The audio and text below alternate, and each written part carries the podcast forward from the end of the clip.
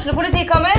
Ine Jansen er purk. Er du purk? The motherfucking bitch. Alt jeg vil, er å finne ut hva som skjedde med mannen min. Jon Carew. Er jeg sikta for noe? Iben Akeli. Det er du. Ole So, Lars Berrum og Big Daddy Karsten. Hvem sin side er du på, egentlig? Anette Hoff, Tone Danielsen, Kommer du fra Afrika? Jørnis Josef, Nesten. Kløfta. Trond Espen Seim, Det er synd å si det, men det var feil mann som døde. Purk. Premiere tirsdag på TV2 Play.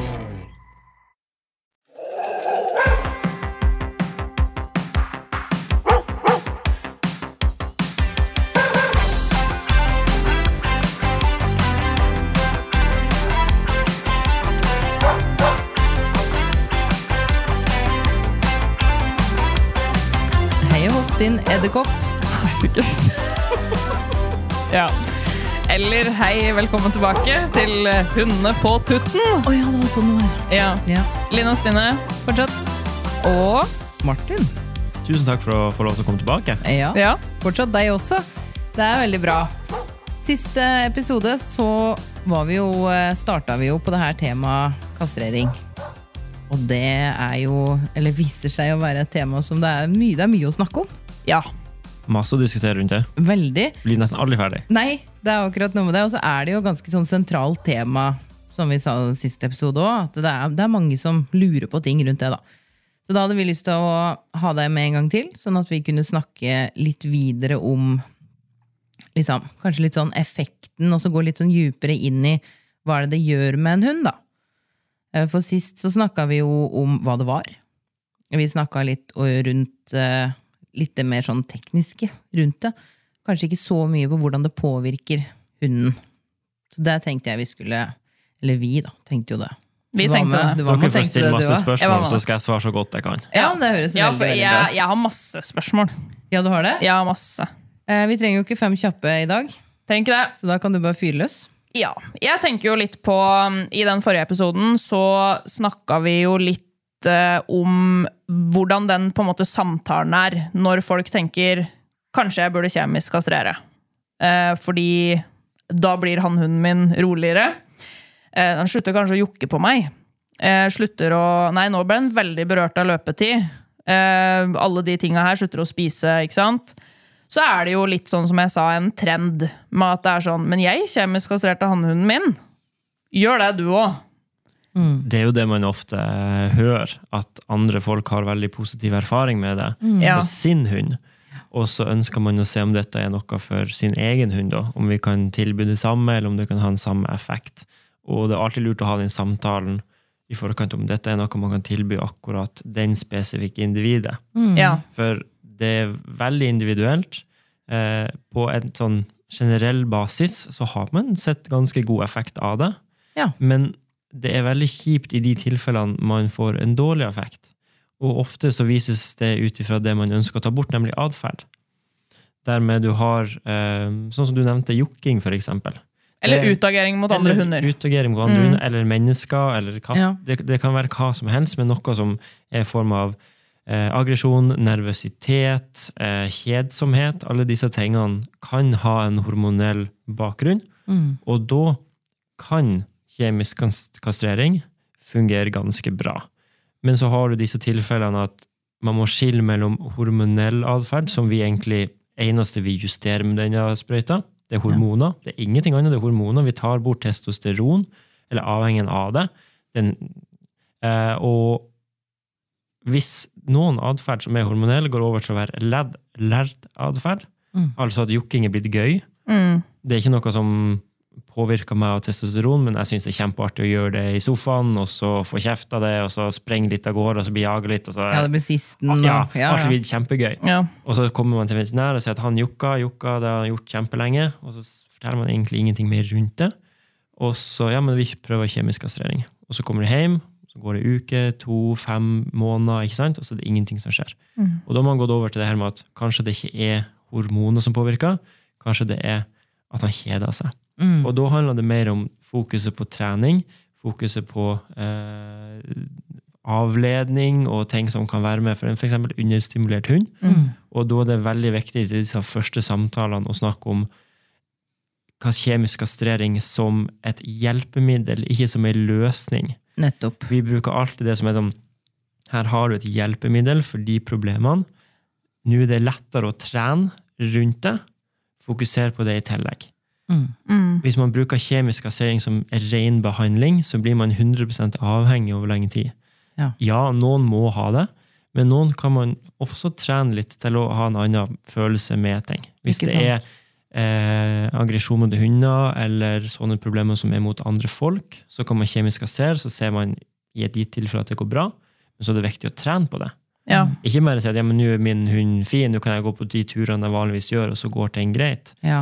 Og så går det ut. For det er sånn at uh, det kan være med på en måte å ta, hvis man sier liksom stresstoppen, da. Ja, Eller at det kan være med å dempe det lite grann, men det betyr ikke at det blir borte. Det er ikke sånn at hvis, eh, hvis jeg da hadde hatt en hund som hadde jokka fryktelig mye på meg, i tillegg til at den hadde utagert på andre hunder, og jeg gikk to turer om dagen rundt i boligfeltet og var hjemme, og reiste til veterinæren, fikk kjemisk kastrering, så hadde det ikke bare gått over da.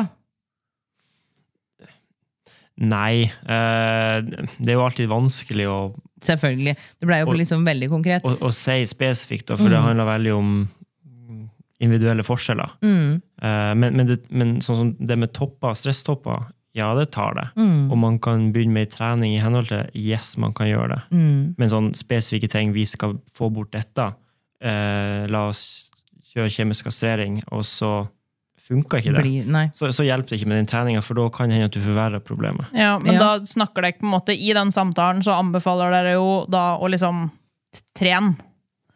Dere må Ja. trene, dere må Ja. gjøre noe med hunden deres. Ja. Ikke sant? Ofte hvis det handler om det her med eh, atferd og sånne type holdninger. Mm. Eh, hvis det er liksom uling i kjøkkenvinduet pga. Ja. lukt i området, så er det ikke så mye trening man kan gjøre. Da er det ofte kun hormonelt. Mm. Og da er det det som er liksom hjelpen å få, da. Ja. Ja. Ja, for det er det jo veldig forskjell på hva som liksom er en atferd, noe hunden liksom gjør, sånn som en utagering, da, Kjempe. enn den herre ulinga, eller den klappinga i tenna, eller Slutting å spise. og- Ja, ikke sant? At den er ikke har matlyst, og du får ikke trent opp altså, De lærde strides sikkert, men at det er vanskeligere da å trene opp en hund til å få mer matlyst. Ja. Uh, men uh, ja. Nei, altså, det er jo det her eh, Det ser jo vi ofte på kurs, uh, syns vi, da, det her med kanskje litt understimulerte hunder, som du var inne på her, mm. Martin. At at det kanskje er en hund som ja, den gjør mye rart, og så begynner vi for eksempel å snakke med de om hvordan ser hverdagen til denne hunden ut, og så ser den omtrent ut sånn som det jeg beskrev i stad. Og så Det første rådet vi gir, er jo har vi prøvd å gjøre noe mer med denne hunden? Har vi prøvd å trene litt, eksempel, søke litt, leke litt, altså mer mosjon, gjøre et eller annet som gjør at hunden kanskje får brukt seg litt, da. Ja, og det er, jo, det er jo sånne man, ting man ofte vil innom først, kanskje. Ja. Før man begynner å behandle med medikamenter. Mm. Eh, jeg har jo hatt hund inne som har stressa. Mm. Eh, sett nesten og dirra. Og liksom helt fra seg. Det går nesten ikke an å gå på tur. Det er liksom stress hjemme. Det er liksom snev av separasjonsangst. Ja. Sånne her type atferdsmønster. Og så det er sånn, hva gjør vi? Og da er det veldig viktig å gå gjennom en rutine i en hverdag. Og i akkurat dette konkrete eksempelet så var det en hund som ofte gikk tur. That's it. Tur på morgenen, tur på formiddagen eller ettermiddagen, og kanskje en tur på kvelden hvis humøret var oppe. Og that's it. Alle var egentlig fornøyd med det, men hun var litt sånn stressa sånn generelt. Eh, Da endte man opp med i denne samtalen her å ikke begynne med noen medisiner, ikke gjøre noe sånt. Rett og slett øke treningsmengden. Mm. Ikke bare tur, men faktisk lydighet, eller uansett hva man velger å gjøre, men noe som Noen bruker oppgaver. hodet. Ja, Mm. oppgaver som gjør at hun må bruke hodet sitt. Og kom tilbake bare et par uker senere og sa at hun har blitt bra. Ja. Hadde funka supert. Ja. Hadde blitt mye roligere. Hadde klart seg bedre hjemme, bedre på tur. Alt var egentlig fint. Så den hadde ikke behov for medikament? Hadde ikke behov for noe. Nei. Men det er jo også litt sånn som eh, Ja, sånn som når du snakker om det med på kurs, da, eh, og privattimer, så ser vi jo mye understimulerte hunder. Fordi eh, veldig mange tenker jo at eh, en luftetur på morgenen, en litt lengre tur på dagen, og så en liten runde i nabolaget, at det på en måte er nok. For noen hunder så er det det. Eh, men for andre, spørs jo helt hvilken rase og hvilket individ du har, så er ikke det nok. Og da begynner de å på en måte gjøre andre ting. Eh, og det handler jo litt om hva kan vi Som jeg liksom pleier å si, da, er Men skal du trene deg? Skal du ut og trimme? Da kan du ta med deg hunden ut og gå en lengre tur. Men hvis målet ditt er at, liksom, at hunden din skal bli sliten, da må vi kanskje tenke litt annerledes. Da kan vi f.eks. søke, leke, ta en, liksom, en lekeøkt eller trene i hagen i 10-15 minutter, og så er hunden sliten. Den blir ikke sliten på samme måte av å gå dass i et nabolag og bare halv, liksom småjogge. Det blir ikke veldig mange hunder sliten av. Um, og jeg ser jo det veldig godt på, på Fender. Um, han er jo en veldig hormonell type. Det er my mye, mye greier hele tida. Uh, og jeg ser jo på dager der han ikke har gjort så veldig mye, hvis det går over lengre tid, der vi bare har gått tur, så begynner han å ha veldig lett for å jokke. Han har mye større problemer med å roe seg inne, han begynner å varsle. Eh, Fordi jeg sier at han skal gå og legge seg, men så har han egentlig ikke så lyst til det. Han er jo heller ikke så veldig flink til å roe seg. eh, Eller slappe av på egen hånd. Eh, Da begynner han å finne på ting. Og så har jeg tenkt sånn Ok, er han, altså ser han ting ute? Eller er det bare noe han gjør? Men han later jo bare som. Så han later som at 'oi, der er det noen'. Voff, voff, står han ved vinduet.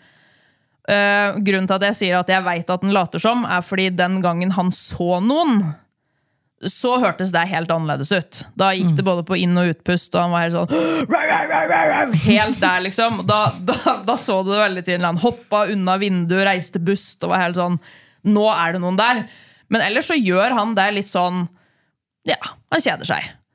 Ehm, men tar jeg en lekeøkt med en da, ute, ti minutter, så er han daudsliten. Da, da klarer han å slappe av. Så det er jo den balansen. Og igjen nå, det her er min hund, det her er jo ikke alle sin hund. Men det jobber jo vi veldig mye med på privattimer, og har fokus på på kurs. Um, og det jeg ser, litt med tanke på igjen at jeg kaller det en trend, er fordi um, jeg veit ikke Når jeg blir ringt og spurt om jeg kan ha en privattime, og det er hannhunder, eh, så tror jeg kanskje jeg kan telle på to hender eh, der jeg har hannhunder som ikke er kjemisk kastrert. Fordi det er på en måte nesten den første løsninga. Og så, ja, vi kjemisk kastrerer. Men nei, det funka ikke. Nå må vi ha hjelp. Jeg mener egentlig at det burde vært motsatt. Ja, og det er jo ofte det som kanskje hadde vært mest logisk, da. Ja. Å se at kanskje trening ikke funker, kanskje man må ha hjelp. Og det er jo det vi ser med Nå snakker vi om kjemisk kastrering, men du har jo eksempel i annen type medikamenter som skal berolige en hund. da. Alt brukes egentlig i sammenheng med trening.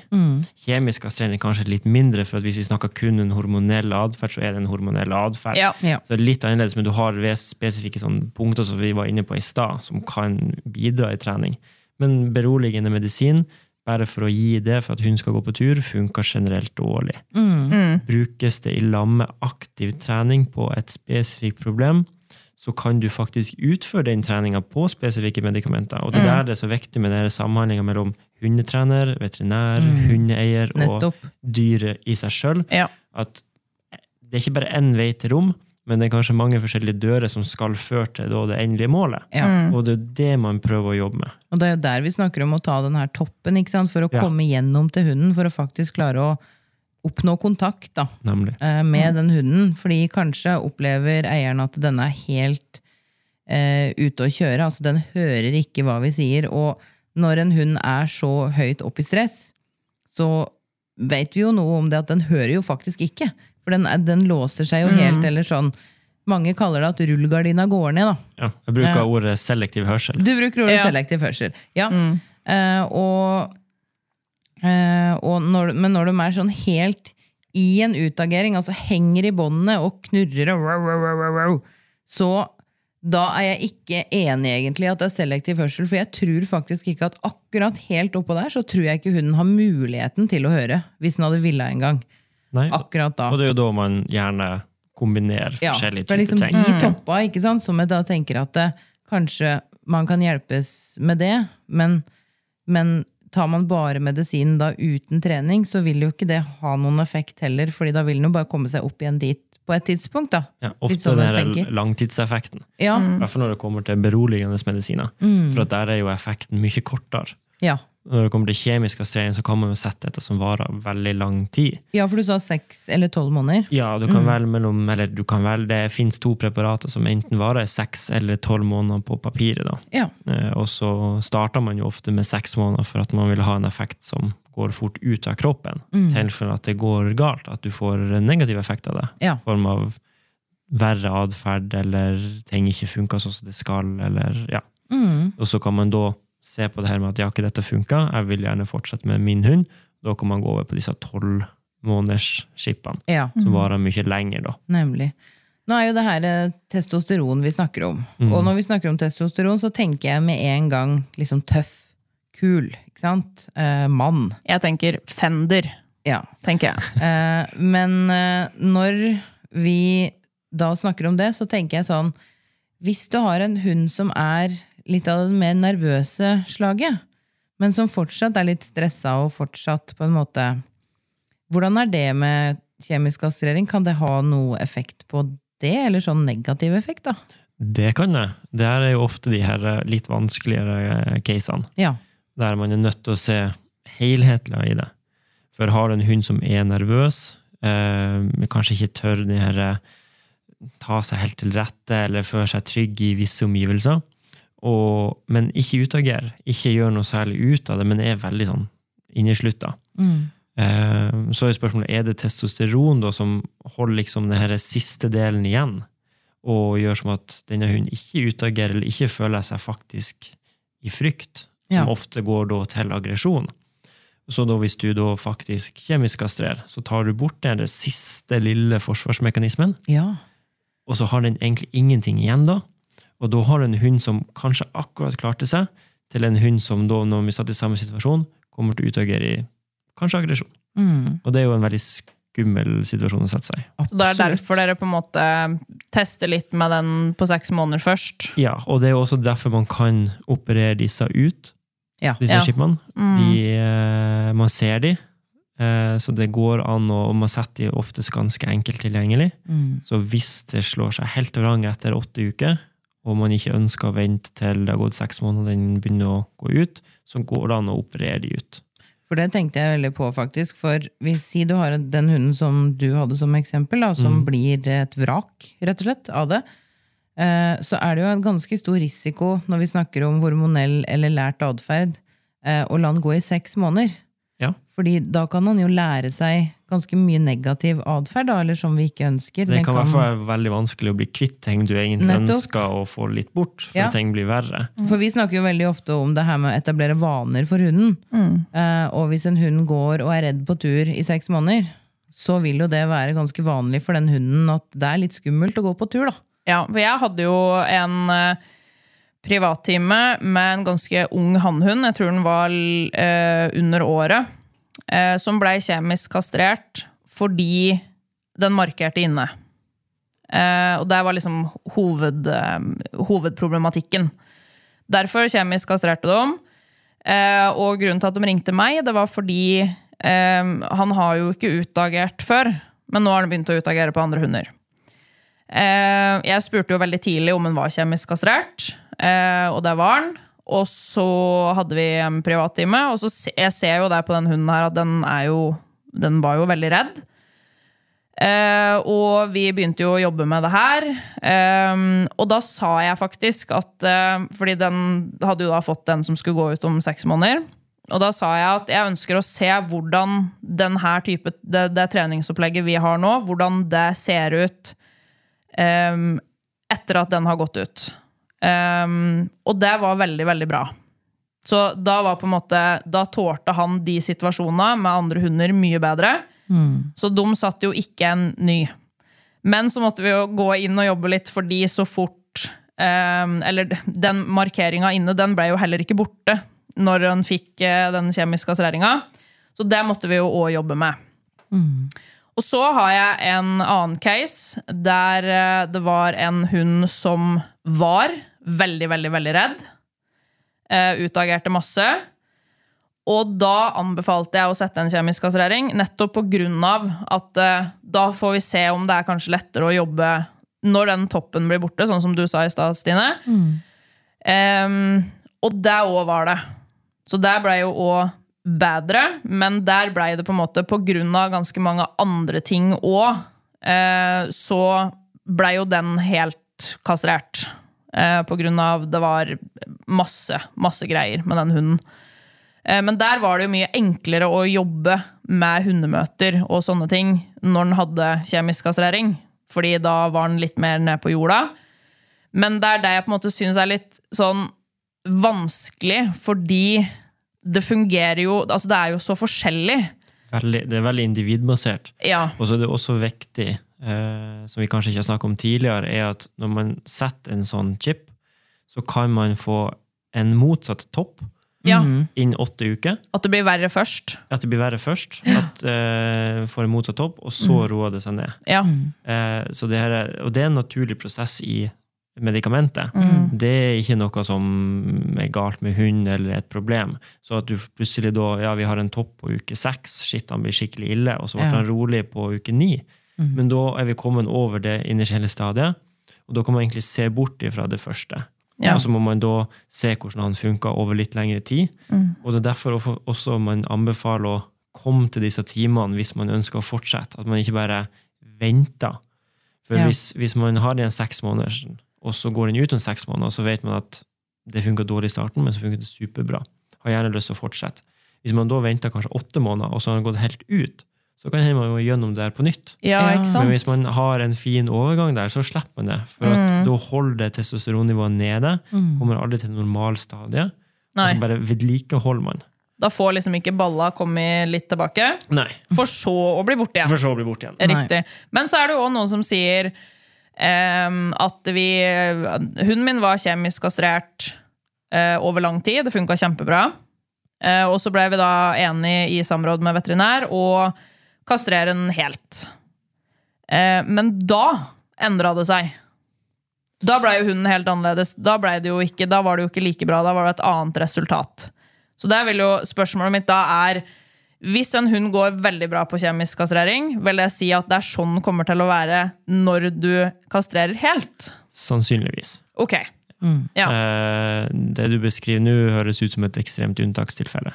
ok. Eh, den effekten vi ser over lang tid, hadde den vært kjemisk kastrert i fire måneder, og så velger man at nå skal vi kastrere, da er det litt vanskelig å si.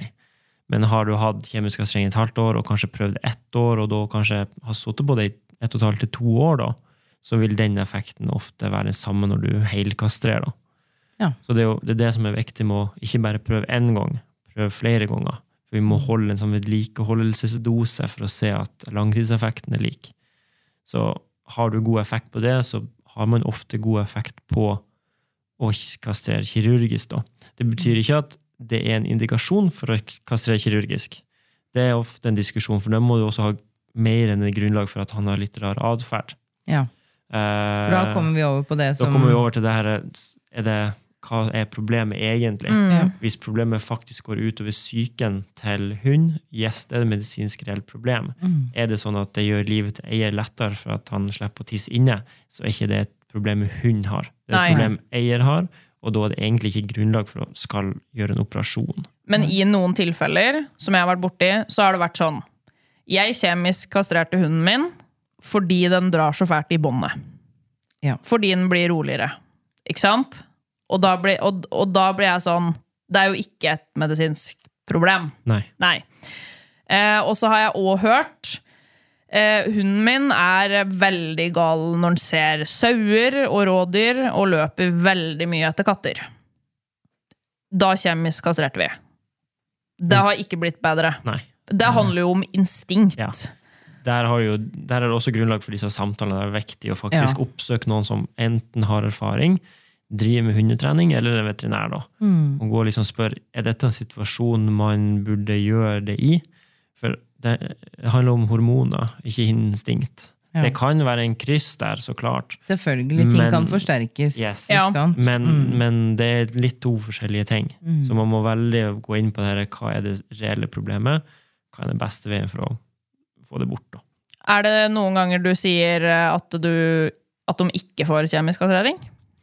Ja, det Ja. er det. Ofte så går det på det vi snakket om litt tidligere, med nervøsitet. Ja. De fleste som kommer inn til oss og snakker om kjemisk kastrering, har prata med noen, og ofte er det atferdsbasert og ting som stress og veldig sånn typiske disse hormonelle atferdene. Men du har jo noen som av og til kommer inn med ting som overhodet ikke er basert på hormoner. Som er mer på kjedsomhet, instinkt, sånne type ting. Kanskje et annet medisinsk problem som ikke har noe med det i talt. hele tatt. Kanskje det er smerter. Ja. Eh, og da ønsker kjemisk kasser for at det er noe rart med hunden min. Hunden min blir litt aggressiv når jeg tar på han på det området. Ja. Helt annerledes. Heldigvis veldig fåtall, eh, men, men det har hendt at man da velger å ikke gjøre det. da. Mm. Og heller prøve andre ting først, om, og så se om det hjelper. Ja. En annen ting som jeg pleier å, å, å si, da, nå etter at jeg har eh, en eh, sånn deilig hormonell hannhund sjøl, det er at en hjelp for meg det har vært, Jeg har tenkt veldig ofte åh, kanskje vi skal kastrere, kanskje vi skal kjemisk kastrere, bare for å slutte. Slutte med alt dette greien her. Men en ting som har hjulpet meg veldig mye, er å faktisk lese meg litt opp på valpens utvikling. Fordi de går jo gjennom en del faser. Eh, der det her med alt ifra liksom jaktinstinktet øker, det territoriale øker, vokterinstinktet, ikke sant? Og at de får mer testosteron, eh, som er helt vanlig.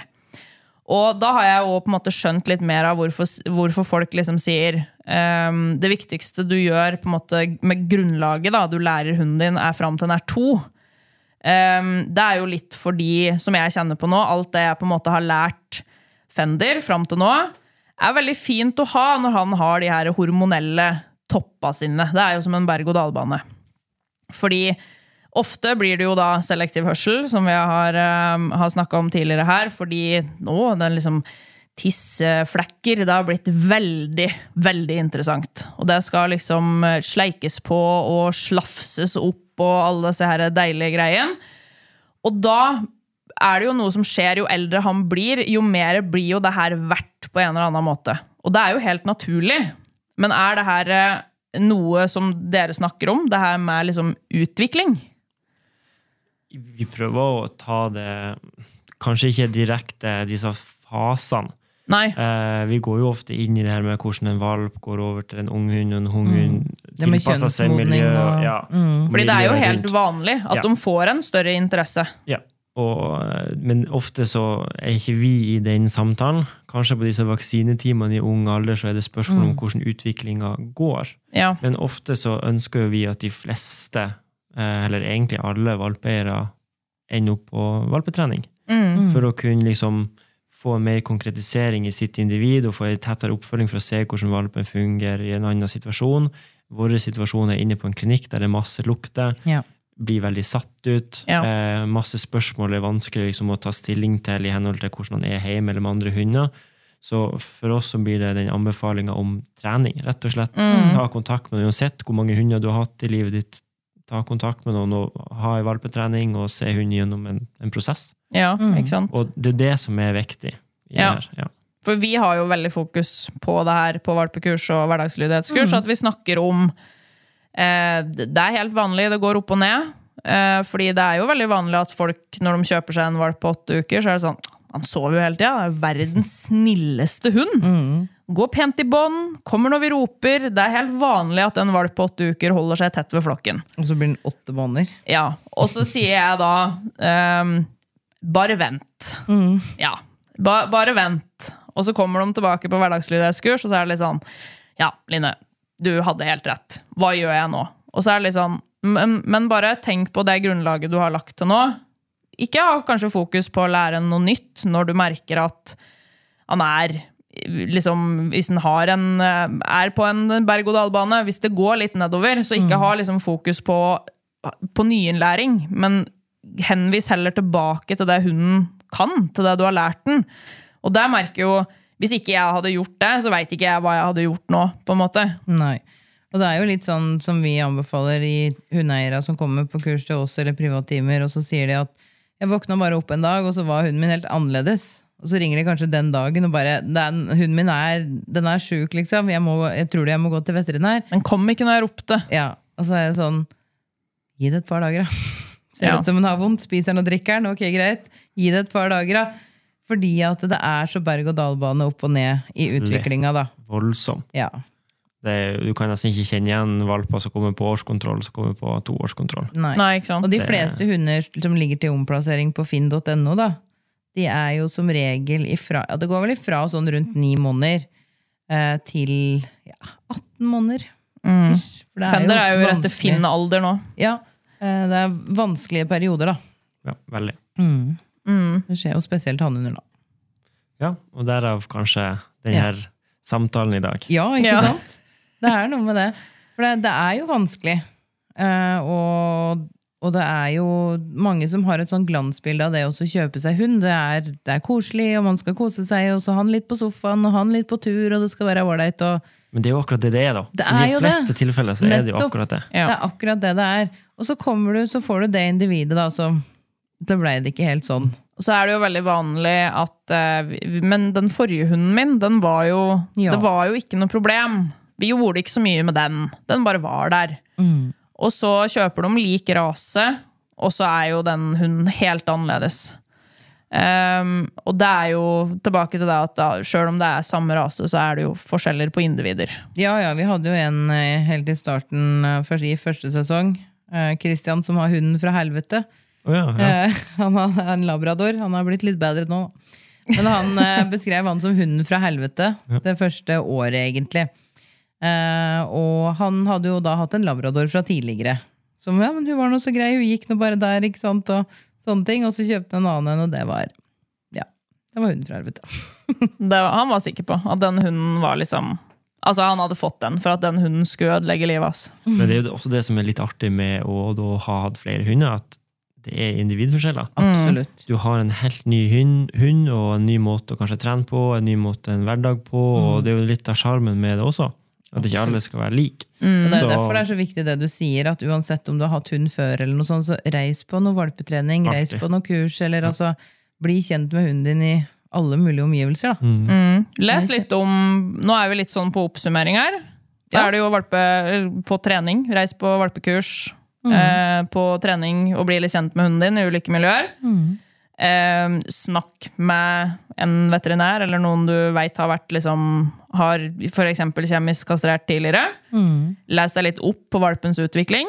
Og så må man huske på akkurat på det punktet, så må jeg nesten, eller føler jeg at jeg må legge litt til at det, hvis man eh, snakker med noen som var kjemisk kastrert tidligere, så var jo begge dekk to inne på det tidligere, ikke sant? At da får vi høre om det individet som den personen har. Ja. Og det funka kanskje bra akkurat for den.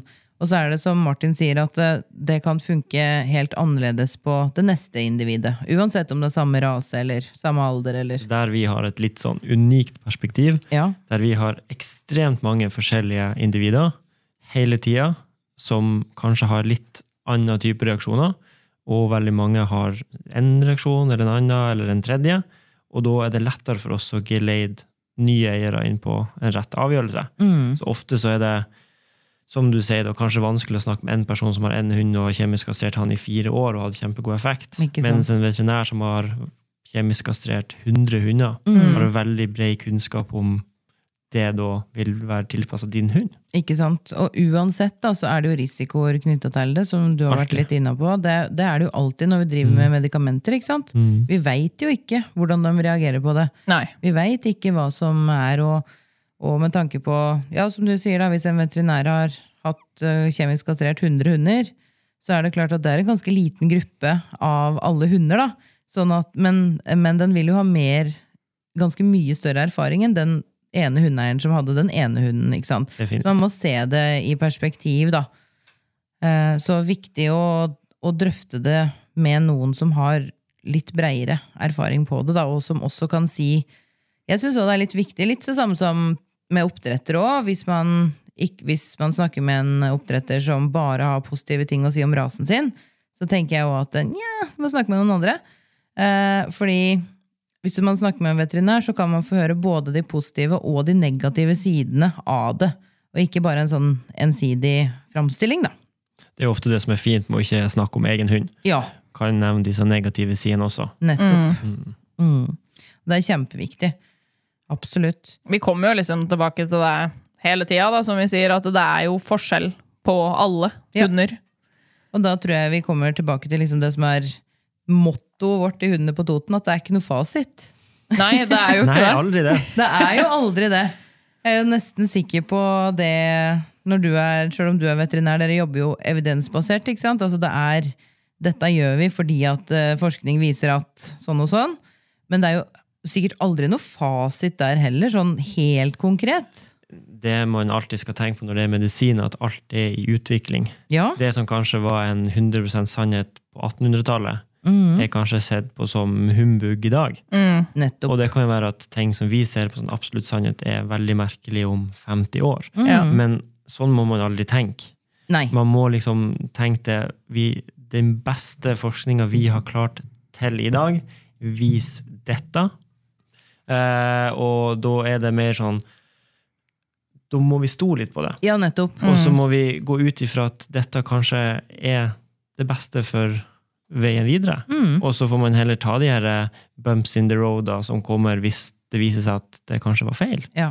Men da har man gjort det helt korrekte fram til det vi er kommet til i dag. Mm. Man gjør, gjør det jo da, som du sier, fordi, fordi det her er på en måte Nå er det det beste alternativet vi har her i dag. Vi kan gjerne tenke at kanskje det kommer noe seinere, men akkurat her og nå vi er i dag, da, Ja. så, så var dette løsningen. Og så fikk det det utfallet. Det var uheldig, eller det var heldig. Ja. Og det er jo det som er fint med å ha en kontinuerlig samtale. Og det høres ut som man snakker masse kjemisk kastrering ned. Ja, Eh, det har veldig positiv effekt. ikke sant? ser masse mer positive enn negative sider med det. Disse her eh, utageringene og sånn er jo veldig, veldig sjelden. Eh, men det er viktig å ta individene eh, som en sånn, et utgangspunkt. Har du en nervøs hund, så er det kanskje en større risiko. Kanskje man må tenke litt mer på om dette er rette veien å gå. Prøv trening først, ikke gå rett til kjemisk kastrering. Det kan, trenger ikke bety at det ikke funker, Nei. men det er alltid en sånn samtale man må gå igjennom. Mm. Og man ser jo at det gjør veldig mye med atferden til veldig mange hunder. Å bli kastrert. Bli litt roligere, kanskje bli litt tjukkere. Ja. Ikke sant? Du har jo en hund som er Det er jo en følgefeil å bli litt roligere. ja, Ja. Du har jo en hund som faktisk er kastrert. Ja. Du må liksom, og det er også en ting vi kanskje ikke har snakka om. Vi kan ta helt på tampen også, at Ja. Det finnes jo noe som heter kastrert fôr. Mm. Har du kjemisk kastrering, så har du en kastrert hund. ja. ja. Hva er da- forskjellen på kastrert fôr og vanlig fôr, egentlig sånn? Ofte så er det basert på kaloriinntak. Ja, For at de legger så mye lettere på seg. Litt sånn slankefôr, på en måte? Ja, en miks, egentlig. Ja. Så du, du er Slankefôr er også et vanskelig begrep. Ja, ja. Det brukes veldig feil, egentlig. Men Ja. det er, kanskje det er en annen podkast. Podcast. så så eh, man må liksom tenke på sin hund som faktisk kastrert, selv om det er bare midlertidig. ja, godt poeng. Veldig, veldig mange gode poeng. Jeg kjenner jo det at i utgangspunktet, sånn for meg, så har jeg over lang tid egentlig vært ganske sånn eh, negativt innstilt til eh, kjemisk kastrering. Og Ja, jeg er helt kastrering som en løsning. Eh, fordi at jeg har hørt mange um, eksempler på at det blir brukt som en uh, i gåsøye lettvint løsning. Da. At det er sånn vi tenker at dette løser seg bare vi får Typisk mirakelmedisin. Ja, typisk mirakelmedisin. Ja, og så har jeg liksom følt at det er så lett å få det. Det er Ja. egentlig bare å liksom reise til veterinæren og Ja. få det. Nesten som, som ei vaksine, på en måte. da. Og så er det jo litt sånn øh, Jeg er jo lært opp til det at hvis det høres for godt ut til å være sant, så er det mest sannsynlig det. og, og innimellom da så tenker jeg liksom litt sånn hvis jeg jeg ser en hund og bare Ja, nei, men vi skal bare reise til dyrlegen, og så får vi en kjemisk kastrert, så da løser dette seg, skjønner du. Og så tenker jeg sånn Nja. Nei, jeg tror de vil bite for det. Ja. liksom litt sånn, da. Men derfor er det superpositivt at du eh, kom hit. Fordi eh, jeg har lært så utrolig mye. ja, jeg òg.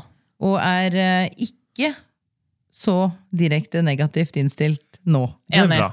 Det er jo viktig å liksom snakke om disse allsidige tingene med det her.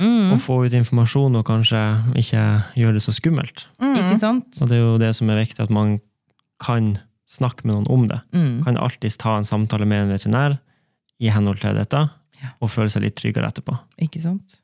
Det er veldig, det er veldig, veldig bra. Informasjonen er jo der ute. Så er det klart, hvis man skal begynne å søke det opp på internett, da. Ofte en skummel plass å lete etter informasjon. Nettopp. Veldig skummel plass. Og det handler jo rett og slett om at uh, det, kildekritikk er uh, ja, ja, varierende kvalitet Ja. på det. da, At man uh, kanskje Man finner veldig mye forskjellig, da. Ja, Ja. En uh, litt artig digresjon mm. er jo jeg jobba en uh, plass litt lenger nord i landet. God del lenger nord i landet. Så var det en kunde som kom inn med en katt med skikkelig skikkelig vondt i magen og diaré. Og de hadde googla seg til at det måtte være en spesifikk orm, for den sjekka alle boksene. Ja. Og de hadde søkt på internett, og de hadde liksom gått gjennom masse kilder, og de hadde gjort en supergrundig jobb. Helt enig, det var sånn, alt stemte på en prikk. Ja. Det eneste feilen var at den ormen fantes ikke så langt nord i landet. Nei. Nei. Så, så det er liksom det kan, Masse punkter kan stemme, men hvis du mister en sånn key information som kanskje fagpersonen har sett med, så betyr det at det er helt uaktuelt hvor Ja. godt det stemmer. Mm. Med mindre du liksom har reist liksom, i akkurat dette eksempelet. Mm. Så det er det som er så skummelt med å søke ting på internett. Du kan finne masse som stemmer 100% med din hund, men hvis det er en sånn skikkelig viktig del som ikke stemmer, så du ikke finner ut av, så er du egentlig like langt. Ja. Er et fikk veldig vi- godt poeng. Der fikk vi jo et lite innslag med kattene på Toten. Ja, Ah, rett og slett. Det er veldig bra. Det er du fornøyd med, Martin. Ja, ja, ja, nydelig. Veldig, veldig bra. Men da tenker vi at eh, vi runder av uh, kastreringstemaet vårt. Da er vi ferdig med snopp. Da er vi ferdig med snopp. Det var for nå, hyggelig hvert å bli invitert. Jo, kjempehyggelig at du kom. Veldig, veldig koselig. Og du skal jo ikke se bort ifra at vi inviterer deg tilbake. Det er bare å slå på tråden. Ja. Jeg er i nærheten. Ja. Kjempebra. Men da Ja, Takker vi for oss. takk for snopp. Takk for snopp. Herregud. Det er veldig morsomt. Nei, det var ikke så morsomt. Nei, det var ikke så morsomt. Nei, men uansett, da så høres vi neste onsdag. Det gjør vi. Yes. Ha det. Ha det.